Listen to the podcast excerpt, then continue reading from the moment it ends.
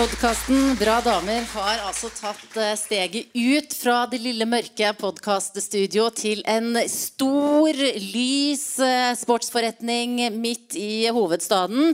Og jeg tror at eh, publikummet mitt og lytterne mine er sånn, eh, ganske sånn friske og sporty, men i dag så er jeg sikker på at det er den mest eh, veltrente og sporty publikum jeg noen gang har hatt på livepodkast. Det sitter en gjeng med supre damer i treningsklær for å høre på, og det er perfekt at det er en sporty gjeng her. For dama som sitter ved min side, og som er eh, dagens og årets eh, bra dame, er også relativt sporty, vil jeg si. Signerte for to dager siden med Barcelona. Caroline Graham Hansen, hvordan har du det sånn akkurat nå i fotballhjertet ditt? Eh, jeg er veldig glad. Og egentlig bare superstolt. Det er jo på en måte en drøm for mange å kunne spille utenlands, men det å få lov å si at eh, jeg skal faktisk spille for Barcelona, det er, er veldig, veldig kult. Men jeg har skjønt at dette her er noe som har eh, pågått en stund. Altså at Barcelona har hatt et godt øye til deg og fotballstilen din. Det, har, det, er noen år siden de begynte å vise interesse? Eh, ja, eh, og så har jo også Barcelona vært et eh, lag og en klubb som har de siste ja, ti årene bygd sakte, men sikkert eh, med tanke på å eh, ha et mål da, om at de skal være best i verden på damesiden og dominere fotballen på sin måte der. På samme måte som de har gjort eh, på herresiden. Eh, og det har på en måte vært litt tidlig, kanskje, i mitt hode å gå til dem tidligere. Eh, men nå når de kom på banen en gang til, så var det på en måte en no-brainer for meg å si at ja takk, jeg kommer gjerne å spille for dere. Men når var det du fikk da i den runden her, eh, når du da fikk da et tilbud, hvordan, hvordan foregikk det helt sånn fysisk? Hvem ringte?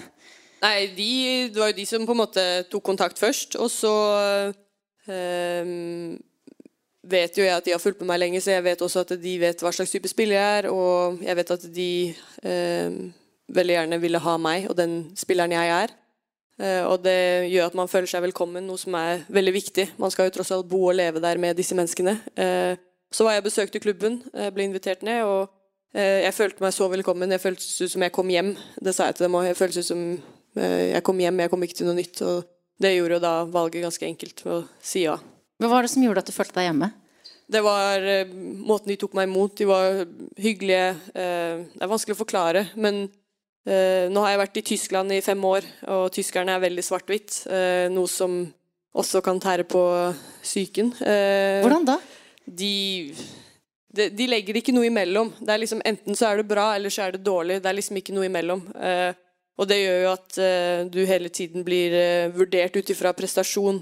om du spiser maten din, blir vurdert ut ifra om det er gjør det riktig, om du spiser riktig, om du skjærer brødskiva di riktig. det er alltid noe som kan påpeke at nei, det der gjør du feil. Eh, og det gjør at man blir litt tussete til tider i hodet. Eh, og det da å komme til en klubb som sier at eh, nei, vi tar deg for den du er, og vi vil ha det du har, det gjør jo at man Ja, jeg følte meg bare veldig hjemme i den måten å tenke på. I hvilke situasjoner i Wolfsburg er det du har følt deg mest sånn vurdert, eller passa på? Det var vel i den perioden hvor jeg var skadet. Jeg hadde jo en toårsperiode hvor jeg var veldig uheldig. Først så det var jo for fire år siden. Jeg takket nei til VM fordi jeg hadde noe som heter jumpers knee. Det er en betennelse i patellasenden i kneet. Eh, og jeg var på en måte avhengig av å ta en pause. Eh, det var enten det, eller så tror jeg ikke karrieren min hadde gått noe videre. Eh, fordi jeg slet liksom å ta på meg sokker. det var vondt. Eh, kunne knapt nok gå. så det var på en måte Det spillet VM ble på en måte ikke så viktig. og i den perioden så ble på en måte Om jeg gjorde knebøyen riktig, om jeg sov nok, om jeg tok for meg T-skjorta riktig vei. Altså alt eh, ble passa på da fordi de ville at jeg skulle komme tilbake. Altså Det var godt ment, men jeg tror for en ung spiller når du er 20 år, så kan det bli litt eh, for mye til tider i forhold til kontroll. Hva gjorde du da? Eh, nei, jeg hadde vel eh, litt tunge stunder, eh, men brukte som motivasjon at jeg gleda meg veldig mye til å få lov å få spille fotball igjen. Og være med og spille eh, de kule kampene som lagvenninnene mine da gjorde eh, i den perioden. Så det var på en måte motivasjonen som holdt meg oppe da, og klarte liksom å ta imot mye av det som kom fra den kanten. Mm. Du, du, er jo en, en, rolig og sindig type, sånn jeg opplever deg nå. Men på fotballbanen eh, så er det jo akkurat som alle følelser får et sånn forstørrelsesglass på seg. Eh, nå ler du. hvordan, hvordan, er du i, i en, i en pressa situasjon på banen hvis man kødder med deg? Uh, nei, jeg er stort sett ganske rolig. Uh, det er sjelden at jeg mister temperamentet mitt uh, når jeg spiller på banen. Men det er to personer som kan få meg til å gå helt i svart, og det er min far og det er min bror. Så vi har jo hatt ekstremt mange situasjoner hvis jeg har trent med min far på egentrening, at hvis jeg ikke scorer det målet eller klarer det selv, så blir jeg frustrert selv, og så står han på siden og bare ja, men du må ta touchet den veien, eller du må skyte mer med den siden, så er det jo vel ment, men vi er så i tottene på hverandre, så ja. Det har vært mye smågreier som går i stykker. Det var vel en gang vi ødela en skeile og sparka ballen i skogen og sa at den kan du gå og hente fordi det er din skyld at jeg er så dårlig. Så det er liksom, det er mye sånne ting. Og så med broren min så er det jo type at som søsken flest det er mye krangling. Eh, og jeg har jo alltid vært bedre enn han. Eh, og, det er så deilig måten du sier det på. Med sånn stor selvfølgelighet. Eh, og det, det, han er superstolt av meg. Men når vi da spilte fotball i hagen på hytta, så en, går det en tursti forbi. da, Så hvem som helst kan gå forbi den hagen hvor vi spiller fotball. Og vi i starten, når vi da spiller, eh, begynner å spille, så går det vel greit i to minutter, og så hører man at det krangles på bakken. Og det var jo da forbudt for oss etter hvert å gå ut i hagen og spille fotball uten at mamma og pappa kom og så på. Fordi det endte jo med at vi lå og sloss i hagen, og så kommer det forbipasserende gående forbi og lurer på hva er det som skjer her. Hva slags familie er dette? Ja, hva slags familie? Det er barnemishandling. Mm. Så, men uh, det, altså, jeg var jo ikke noe snill storesøster heller. Da. Jeg lot han aldri vinne. Uh, og det var jo fordi faren min aldri lot meg vinne. så det ja, ble på en måte forankret i det, at det bare gikk nedover. Du har jo vært veldig god veldig lenge. men husker du hvilket øyeblikk du skjønte det sjøl? Shit, det her uh, var gøy. Jeg har jo alltid spilt med gutta. Uh, og vært veldig heldig at jeg har trenere som har uh, latt meg få lov å gjøre det. Og det er ikke fordi at de bare å, det er snilt av jenter, men jeg var god nok, og jeg hjalp laget. Men jeg tror liksom det Vet ikke, det, jeg har alltid hatt veldig lyst til å, å spille fotball. og jeg hadde jo en drøm. Jeg husker fra ganske tidlig at mitt, mitt, store mål det var jo å spille for uh, A-laget til Lyn. Uh, det var liksom Jeg visste jo ikke hva damefotball var da jeg var seks år. Jeg spilte bare fotball. Mm. Så jeg vet ikke, ja, men ja, I mitt hode så er det kanskje ikke noe, et spesifikt punkt. Det var bare en drøm og en glede ved fotballen da, som gjorde at man gikk ut og trente. Hva er det du gleder deg mest til med den delen av livet ditt som begynner nå? Ved Barcelona? det er vel det å få lov til å lære å Eh, kjenne Barcelona-stilen. Eh, det er en spesiell type fotball eh, som alle ønsker å spille, men som bare Barcelona har klart å gjøre og dominere fotballen verden på i så mange år som de har gjort. Mange som har prøvd etter dem, men det er kun Barcelona som har fått det til. og Det å få lov å være en del av den klubben og lære å forstå hvordan de tenker og hvordan de spiller fotball, det gleder jeg meg veldig til. Og nå har de jo vært der, ikke sant? Og vært og hilst på, vært ute på banen, slått noen baller, posert på bilder. Men nå begynner jo på en måte liksom den der, Jeg vet ikke man kan kalle det hverdagsliv ja, når det er i Barcelona. Men hvordan ser du for deg at det skal være?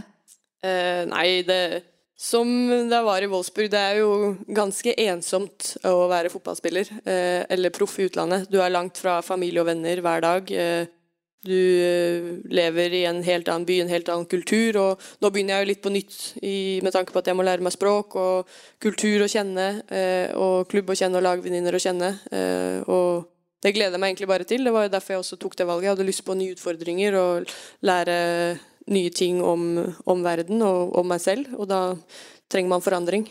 Så jeg tror etter hvert når man kommer litt på plass, så blir vel livet ganske likt som det var i Wolfsburg. Det blir litt, eh, litt, skole, og så blir det mye dødtid mellom treningene. Og så har man så heldig at man bor i en så fin by at man sikkert kan utforske den litt òg. Du sa det er ensomt å være toppidrettsutøver. Når, når, er det det er eh, verst? Eh, det er jo når man er skadet. Da er det jo ingen som har bruk for deg. Da, da sitter du bare på sidelinjen, og det er ingen som har bruk for deg. Så da når du i tillegg er langt hjemmefra, så er det det, du får det ikke mer ensomt enn det. Mm.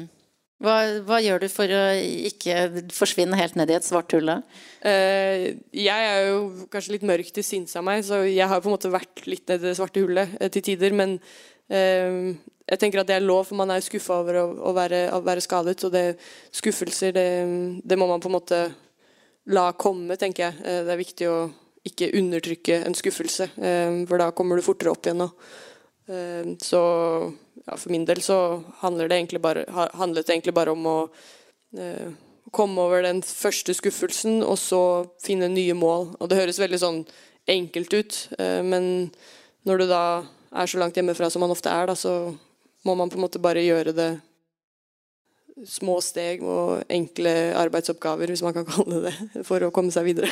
Men når du da sitter i den der eh, Volkswagen-byen eh, Wolfsburg, eh, langt hjemmefra, og du har noen sånne strenge folk rundt deg som passer på at du tar knebøyene riktig og sånn, og du kjenner at du holder på å forsvinne ned i et sort hull, altså hva, hva gjør, hvem snakker du med da for å holde deg oppe? Jeg har jo noen veldig gode venner som jeg kan lufte tankene mine med, og så skriver jeg veldig mye. Eh, så jeg har jo veldig mye alt fra dikt til bare tekster som jeg har skrevet, eh, som eh, har hjulpet meg veldig mye, da. Så det er vel det jeg ofte gjør, da. Hva, hva slags dikt skriver du? Det er, det er, jo mye fjas, og så er det egentlig bare mine tanker og følelser som er i, er i, i det som kommer der og da. Og det er veldig befriende, for det å sette ord på de tingene du kjenner på og føler på, det gjør at jeg da etterpå bare kan legge det vekk. Da Da får man sove, og du får litt ro, og så kan du gå litt videre. Og så en uke senere kan du lese det igjen, og så tenker du at ja, det var så mørkt, ja. Og så, så, så opplever man jo at det, det kommer, kommer, en ny dag, selv om man kanskje ikke føler at det gjør det akkurat der og da.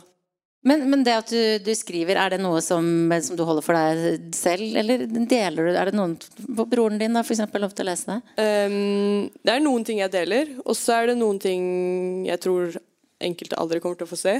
Uh, og så, ja uh, er det jo noen ting jeg syns at dette her er bare skit, men som sikkert hadde vært interessant for mange å lese. Uh, så jeg er litt sånn Ja, jeg skriver på veien også når det går bra, og så Får jeg se hva jeg eventuelt, eh, om jeg noen gang gjør noe med det senere.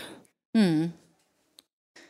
Det er veldig gøy å tenke på at det kanskje kommer en diktsamling fra, fra deg. jeg tror ikke det kommer en diktsamling, men jeg har jo vet ikke, Kanskje det kommer en eller annen bokform av en litt annerledes blikk på en fotballkarriere. Eventuelt om i hvert fall ti år.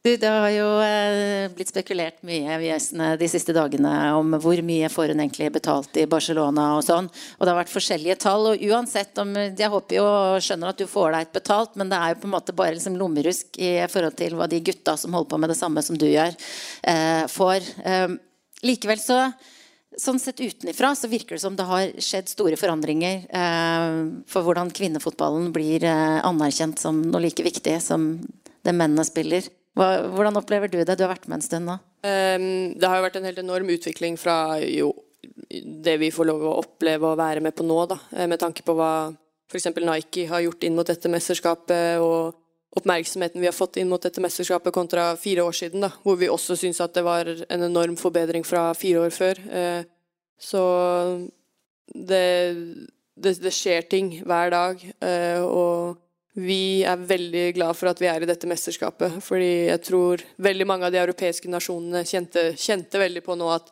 hvis vi ikke kommer til dette VM, så kan det være litt sånn make it eller break it. Fordi det eh, er så utrolig mye markedskrefter som endelig har begynt å svinge på seg, da. Som i positiv favør for vår del, da, som får lov å være en del av dette. Mm.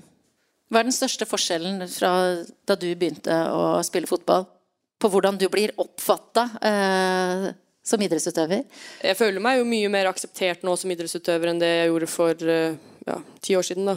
Eh, ti år siden jeg var 14, så da var jeg kanskje ikke idrettsutøver, men ja, si fem år siden, da. Eh, og det gjør at før så har man på en måte måttet forsvare at man driver toppidrett fordi man bare driver med damefotball, mens nå så kommer unge jenter og lurer på hva man gjør for at de også kan bli like gode, som gjør at man blir veldig sånn glad inni seg. da, At også unge jenter ser at det, det er lov å drømme om å bli fotballspiller som jente òg. Og det er jo sikkert mange unge jenter og gutter som, eh, som leser med deg i avisa nå, eller ser deg på nyhetene og blir inspirert av det. Hva slags, hva slags folk møter du på gata? Jeg møter Jeg har utelukkende bare møtt uh, hyggelige folk uh, som gir hyggelige tilbakemeldinger og ønsker meg lykke til, og det er jo utrolig kult. Og jeg håper jo bare at det jeg bidrar med, og den jeg er, kan bidra til at flere har lyst til å spille fotball, og ser hvor kul den idretten er også for jenter, og hvor mye bra som skjer rundt vår idrett også, da. Mm.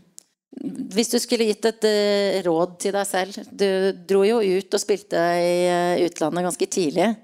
Uh, hvis du skal se tilbake og skulle gitt et råd til deg sjøl da? Da hadde jeg sagt at du, du, har mye bedre tid enn du tror, så ikke stress. Det går, kommer til å gå bra. Er ikke det? Det er interessant, for det der er jo et råd som veldig mange bruker. Eh, uansett hvilken verden de er i. Man tror alltid at man har så veldig dårlig tid og må skynde seg og bli flink uansett hva det er man holder på med. Var du stressa? Eh, nei, jeg vil ikke si at jeg var stressa, men jeg var utrolig ambisiøs. Og det er jeg jo fortsatt. Men jeg tror jeg var veldig ambisiøs på at jeg alltid ønsket Jeg har blitt fort god da jeg tar ting lett, og da når jeg dro ut òg, så ville jeg også at det skulle gå fort. Uh, noe det for så vidt gjorde. Eh, hadde ikke skaden stoppet meg, så hadde det vel gått kjempefort. Eh, men jeg føler at den skaden på en måte kom litt sånn på godt og vondt. da. Jeg lærte veldig mye og eh, fått en mye større ro i at det trenger ikke å gå så fort, bare man gjør de, de riktige tingene. Mm. Hvor mye ro har du nå? Eh, veldig mye mer enn det da jeg var 19.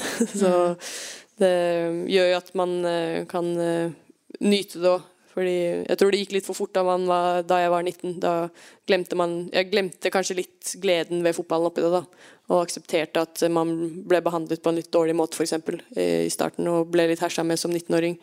Og, og, så dreper det litt gleden ved det man faktisk holder på med. Og det da å kunne nå se tilbake på det og vite at det, det jeg gjør, det det er bra nok. Eh, og det skal ikke på en måte definere meg som person, da. Mm. Om det går bra eller dårlig ute på banen. Eh, det på en måte har vært en viktig sånn, læringsprosess da, i det å ha det litt tøft og ikke få lov å gjøre det man egentlig har lyst til. Da. Hvem var det som hersa med deg da du var 19 år? Eh, nei, det blir jo på en måte Man kommer til et nytt miljø, da. Det er annerledes. Og så kommer du som superambisiøs 19-åring og er bedre enn de etablerte spillerne på da Europas beste lag. Da, da, da blir du så klart litt eh, litt eh, kalde skuldre da, fra enkelte. Mm. Og så er det jo veldig ofte sånn i fotballen at man blir dømt for den personen man er på banen, fordi man ikke kjenner personen utafor banen, og det er jo ofte to helt forskjellige mennesker man da snakker om. Eh, så jeg ble jo tatt for å være superarrogant, eh, fordi det var sånn jeg spilte fotball. De syntes at jeg så superarrogant ut, så de trodde at jeg var det utenfor banen òg. Noe som ikke stemmer, eh, hvis du blir kjent med meg. Jeg er veldig ydmyk, sier egentlig ikke, gjør ikke så mye ut av meg, eh, men når jeg kommer på banen, så er det liksom min, min, mulighet til å være den jeg har lyst til å være, eh, og kan være kreativ og er ikke redd for noe. Eh, så da fikk man jo litt kalde skuldre da, fra folk som førsteinntrykk da, når man kom dit. Guffen følelse når noen har en helt sånn feil oppfatning av det? Eh, ja, men jeg, jeg, lo litt av det òg. Og så har jeg jo alltid vært sånn at jeg aldri eh, ikke hengt med noen. Jeg blir liksom fort kjent med mange og syns at det er hyggelig og veldig interessant å snakke med forskjellige mennesker. Så jeg er jo litt sånn at ok, hvis de ikke vil ha noe med meg å gjøre, så ja, det er deres valg. Uh, men jeg kommer fortsatt til å prøve å være hyggelig tilbake. Uh, og så får de finne ut av når de har lyst til å kanskje bli kjent mm. andre veien også. Det, selv da så tenkte jeg sånn, men du kjenner jo litt på den at du det er, litt, det er ikke alltid like kult å ikke vite hvorfor kanskje folk ikke eventuelt liker deg, da. Eh, men ja, hvis man bare er snill med folk, så går det som regel bra. Er det mye konkurranse og kalde skuldre? Eh, både ja og nei. Jeg tror alltid når du blir ny da, så kommer som ny så er det vel alltid litt spenning. Eh, og i hvert fall når du som 19-åring, som da det jeg var da, kommer, så er man jo ikke noe stort navn, og det er ingen som vet hvem du er, og da er det jo lettere å på en måte ikke bli tatt så godt imot. Eh, jeg ble tatt godt imot, misforstå meg rett, men at folk liksom kanskje skuler litt mer på deg, da. Eh, folk var veldig snille, du må ikke misforstå meg. Eh, men konkurransesituasjonen blir helt annerledes enn det det kanskje blir for meg nå da, når jeg drar til Barcelona. Ja, Hvilke forventninger har du nå? Da har du jo allerede sagt at du ble godt tatt imot, men når du kommer på laget der? Hvordan, eh, hvordan blir det med skuldre og alb- albuer jeg, jeg kommer jo til å være superspent, men jeg kommer bare til å prøve å være snill med alle. Og så ja, Fordi jeg er helt sikker på at de kommer til å være veldig snille med meg òg. Så ja, det blir veldig spennende. Du, du er jo åpenbart god under press, for du er idrettsutøver på veldig høyt nivå. Men hvordan er den der første treninga? Alle kjenner jo den der første dagen på jobb hvor du liksom Å ja, hvor er det, og hva skal jeg egentlig gjøre her? Hvordan, hvordan er det når du kommer på første trening på, på nytt lag? Eh, nei, jeg gleder meg litt til det. Eh, Det er jo litt den spenningen og de sommerfuglene i magen man har lyst til å ha på nytt. da. Eh, og lære å kjenne folk på nytt, og så må man litt utenfor sin egen komfortsone. Jeg har vært et sted i fem år, kjenner alle ting ut og inn, så man kan jo gjøre ting i blinde. Eh, og det å da få lov å komme på første dag på jobb igjen, det er jo veldig spennende. Men er, er det sånn at du da blir sånn superkonsentrert, eller kan det gå utover sånn at du, at du gjør tabber, f.eks.? Nei, jeg kommer, jeg kommer til å være superkonsentrert, men jeg kommer til å Altså, når jeg spiller fotball, jeg koser meg med det. Eh, så det, hvis jeg gjør noe tabber, så er det i så fall at jeg glemmer å, å ta med meg skift etter trening, liksom. Ok. Det kommer til å være den største tabben jeg gjør. Er det, er det, er du distré? Nei, jeg er ikke det, men sånn, hvis jeg skulle gjort en tabbe, så er det heller at jeg glemmer noe jeg trenger, Ja, jeg enn at jeg driter meg ut på trening. Ja, for det er jo ofte sånn at eh, altså, du er en imponerende dame eh, med det du har fått til, og da er det jo veldig veldig deilig å lete etter svakheter. Eh, bare sånn for å rakke litt ned Men. Har du liksom noen områder hvor du som du ikke mestrer? Hvor du er håpløs? Eh, hvis du spør min mor, så er jeg verdens største djevel når jeg er sulten. Oi. Så, men det tror jeg mange kjenner seg igjen i. Men jeg blir Altså, jeg fungerer ikke. Og selv om jeg føler at jeg har blitt bedre på det, så Ja, jeg merker jo at hun går på tærne når jeg ikke har, har spist. Og det er jo litt sånn farlig da når man bor alene og blir litt sånn huleboer etter hvert. Så kommer du hjem og må forholde deg til andre mennesker etter trening når du er sulten. Det er ikke, det er ikke, det er ikke min sterkeste side. Men som, eh, som idrettsutøver så, så har du jo sikkert altså, flere treningsøkter om dagen. Du må liksom holde fokus på det du skal gjøre og sånn. Kan man bli litt asosial? Uh, ja. Både ja og nei. Uh, men man er jo Jeg føler at jeg, ringer jo hjem hver dag og snakker med familie og venner. Uh, og på trening så snakker man jo med folk hele tiden. Så jeg, man er jo rundt folk hele tiden, men samtidig så blir kanskje litt asosial i den forstand at man Jeg er ikke sånn at når jeg kommer hjem fra trening, så shit, nå skal jeg ut og sette meg på kafé. Det er ikke alltid man tenker at man gidder å gjøre det alene. Hva gjør du da, bortsett fra å skrive?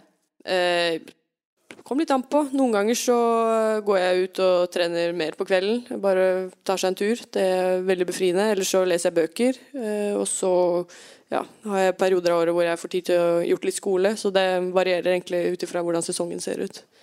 Hvor i sesongen man er. Jeg meldte litt med deg eh, før vi møttes her i dag, og, og det ble vel aldri helt avklart. Jeg spurte om du kunne tenke på en, en ting som kunne si noe om hvem du er. Ja, jeg slet litt med den. Ja, Har du klart det, eller? Eh, jeg vet ikke helt om jeg har klart det, men jeg valgte å ta med meg ørepropper. da Ja. eh, Sånn musikkørepropper. Fordi Har du det med deg her og til og med, på Ja, scenen? men de er jo bare vanlige Apple. App, og Apple, Ja, er- Men faller det ikke ut, syns du? Nei, jeg syns de gjør Nei, nei, veldig oi, bra. det var det noe. De, de passer i hvert fall til øret mitt. Hva? mine ører er noe gærent med meg. Nei, men Karoline, hvorfor sier de noe om hvem du er? Jeg, fordi jeg, jeg er jo sånn jeg, kan, jeg er veldig glad i musikk. Eh, Det gir en eh, sånn ro eh, å høre på gode sanger og god musikk.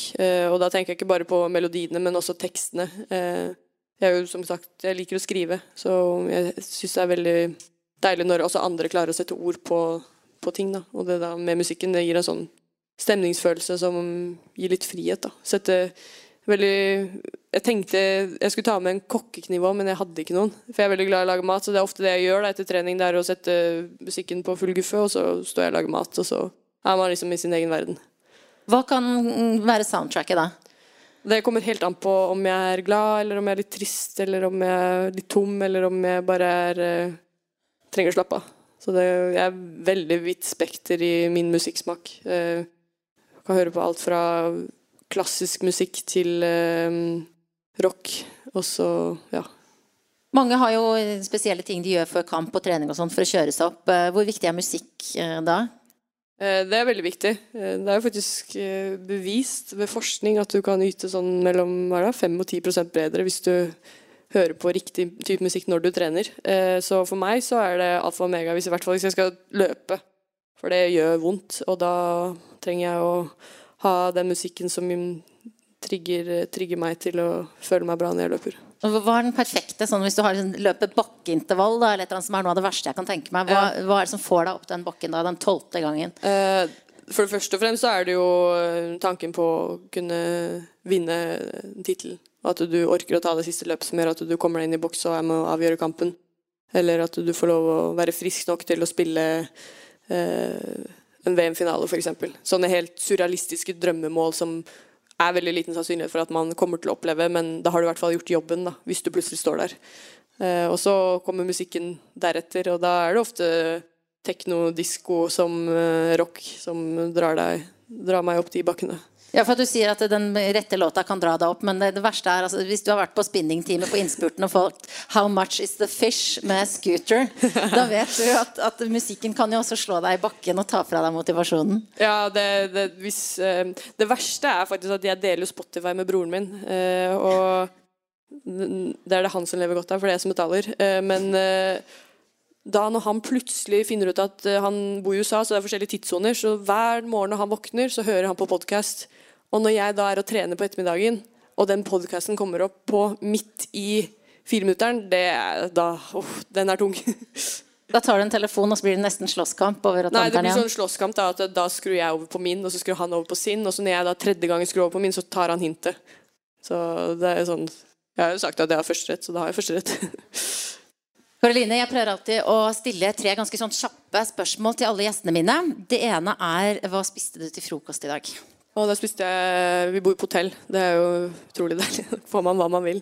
Jeg spiste, De har veldig god havregrøt med hadde jeg cottage cheese, rosiner, kanel, litt frukt, øh, nøtter. ja.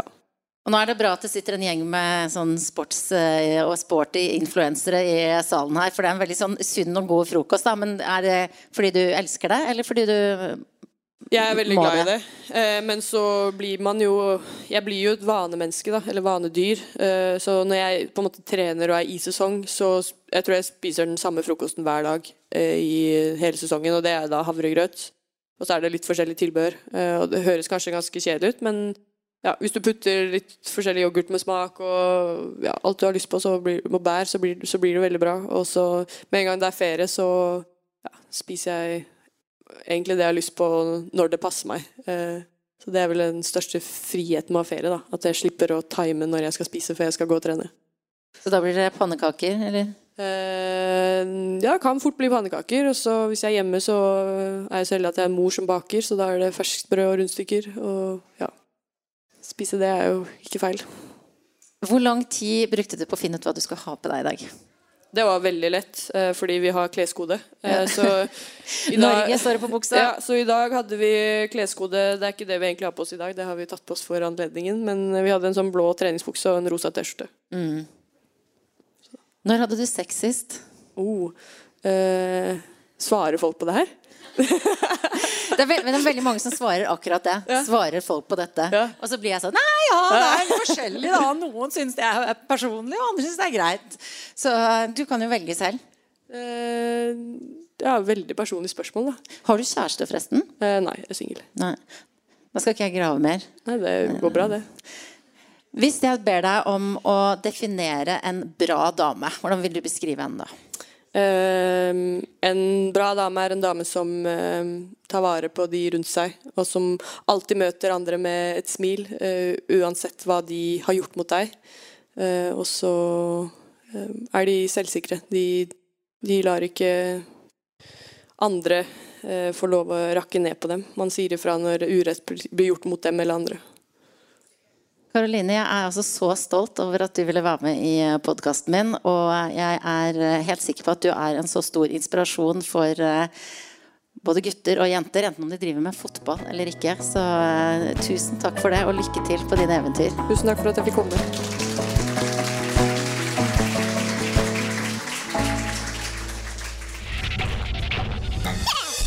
Monster.